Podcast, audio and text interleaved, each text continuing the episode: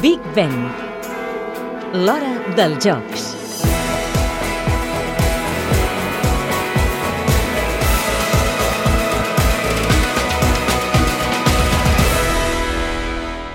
Dos esportistes olímpics, un tenista i un tirador d'esgrima van sobreviure al naufragi del Titanic ara fa 100 anys. Després d'aquella nit, la vida va canviar per tots dos. El tenista Richard Norris Williams en va sortir com un heroi, mentre que l'esgrimista Cosmo Duff Gordon li va quedar el qualificatiu de covard. Aquest últim, un aristòcrata i terratinent escocès, viatjava al vaixell amb la seva dona, una famosa dissenyadora de moda.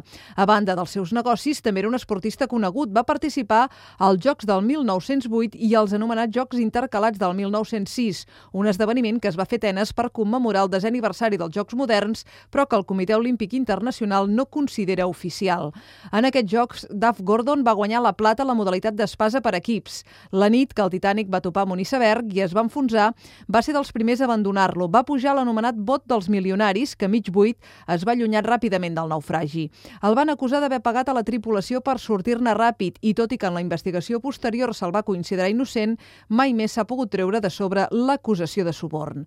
El tenista Richard Norris Williams, en canvi, va sobreviure com un heroi. Va ser dels últims a deixar el vaixell i ho va fer tirant-se a l'aigua gelada. Després de sis hores i de veure com es morien la majoria de persones del seu voltant, entre elles el seu pare, el va rescatar al Carpàcia. La seva família sempre recordava que va estar a punt de perdre les cames.